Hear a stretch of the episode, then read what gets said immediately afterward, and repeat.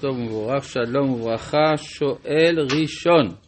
בוקר טוב הרב, ויאמר משה משה בלי פסק. אין הבדל ביניהם. האם ניתן להגיד שהארי דיבר על משה הראשון והבעל שם טוב על משה השני?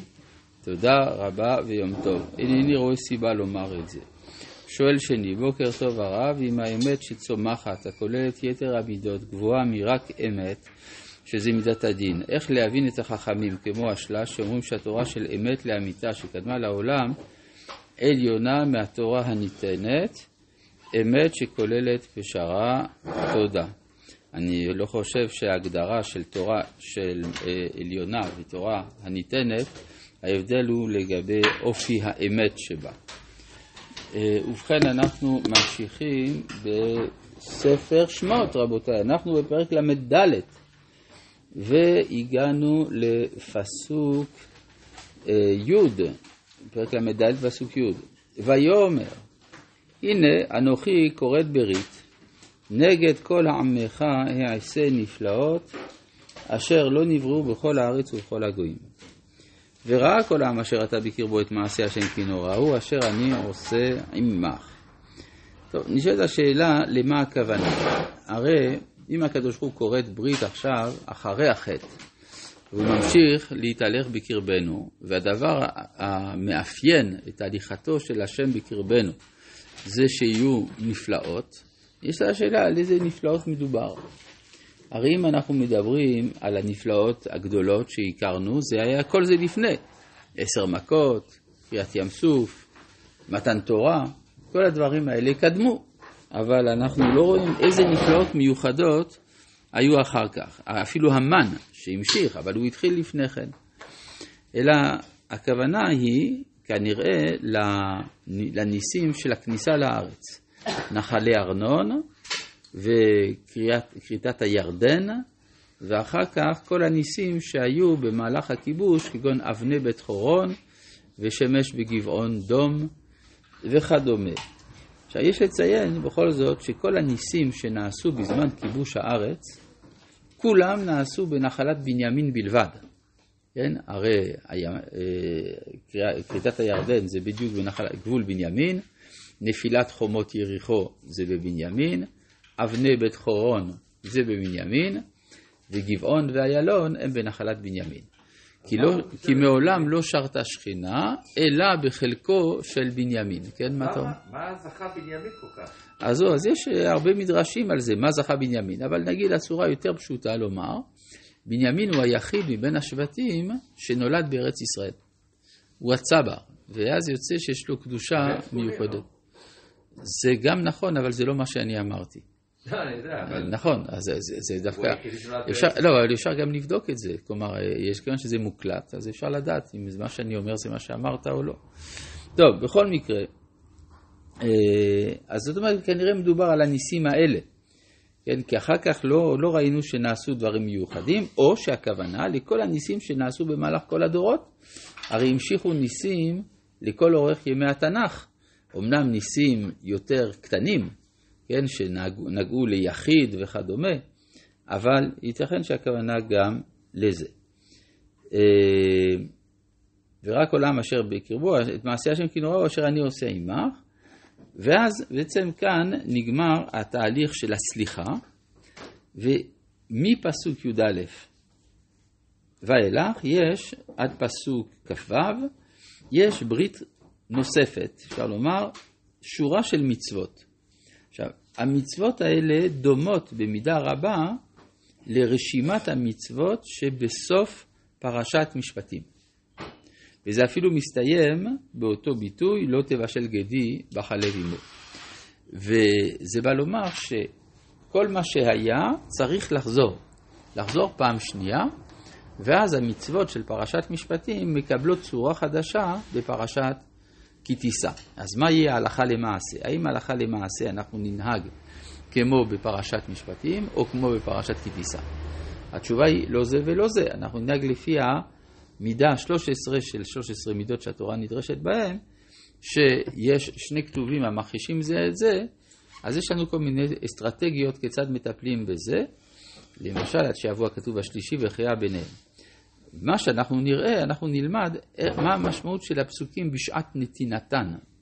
לא משמעות הפסוקים על פי הדרשה, כן? שזה לא אותו מישור בכלל. אפשר לראות את זה בכמה מקומות, שיש הבחנה בין משמעות הפסוק בשעה שהוא ניתן, לבין ההלכה למעשה לדורות. טוב, בואו נראה. סליחה, כן. מה זה מעשה השם אשר אני עושה עמך? הזה. אה, מה זה מעשה השם כי נורא הוא? מעשה השם זה הניסים.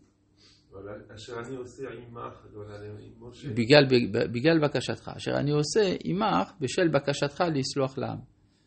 כן? זה הכוונה. כמו שלמשל בעבור ישמע העם בדברי עמך וגם בך יאמינו לעולם, כלומר אה, משה ממשיך את, ה, את הברית עם הקדוש ברוך הוא דרך עצמו ולא דרך המלאך, כן? לפי מה שראינו. שמשה ביקש שלא, כאשר מלאכי ילך לפניך, אומר משה לא, אני רוצה להיות המלאך. אז זה אשר אני עושה עמך. שמור לך את אשר אנוכי מצווך היום. הנני גורש מפניך את האמורי והכנעני והחיטי והפריזי והחיבי והיבוסי. מה עם הגרגשי? חז"ל אמרו פינה. ישמר לך, פן תכרות ברית ליושב הארץ אשר אתה בא עליה, פן יהיה למוקש בקרבך. כלומר, המצווה הראשונה, בעקבות הסליחה על מעשה העגל, לא לכרות ברית עם יושב הארץ, כי יש סכנה שהוא יביא אותך לעבודה זרה. טוב, אפשר להבין, אחרי שנכשלת בעשיית העגל, אז יש צורך באזהרה ייחודית נגד עבודה זרה או נגד עובדי עבודה זרה.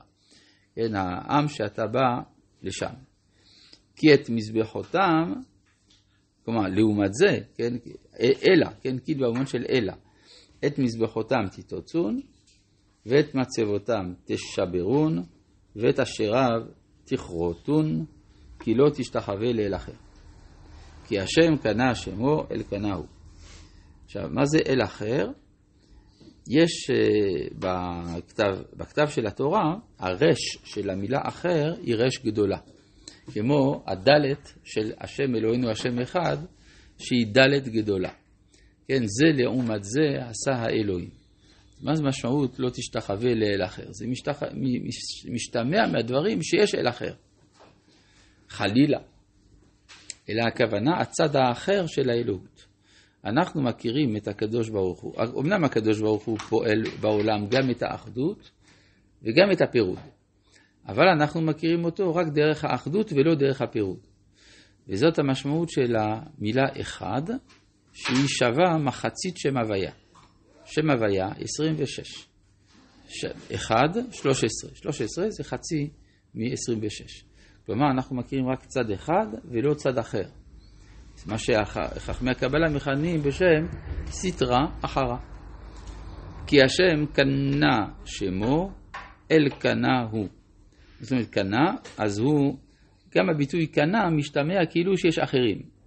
אבל לפי איך שהרב קוק מסביר באורות את המשמעות של הקנאות, הקנאות היא כוללות. כלומר, אם יש לי הסבר אחד לכל התופעות, אז תהיה קנאות על ההסבר הזה. הוא לא יוכל לקבל הסברים חלקיים, כלומר לחלק מהתופעות על פי תיאוריה אחרת. אם התיאוריה כוללת, אז היא מספקת כדי לכלול את הכל, וממילא היא קנאית.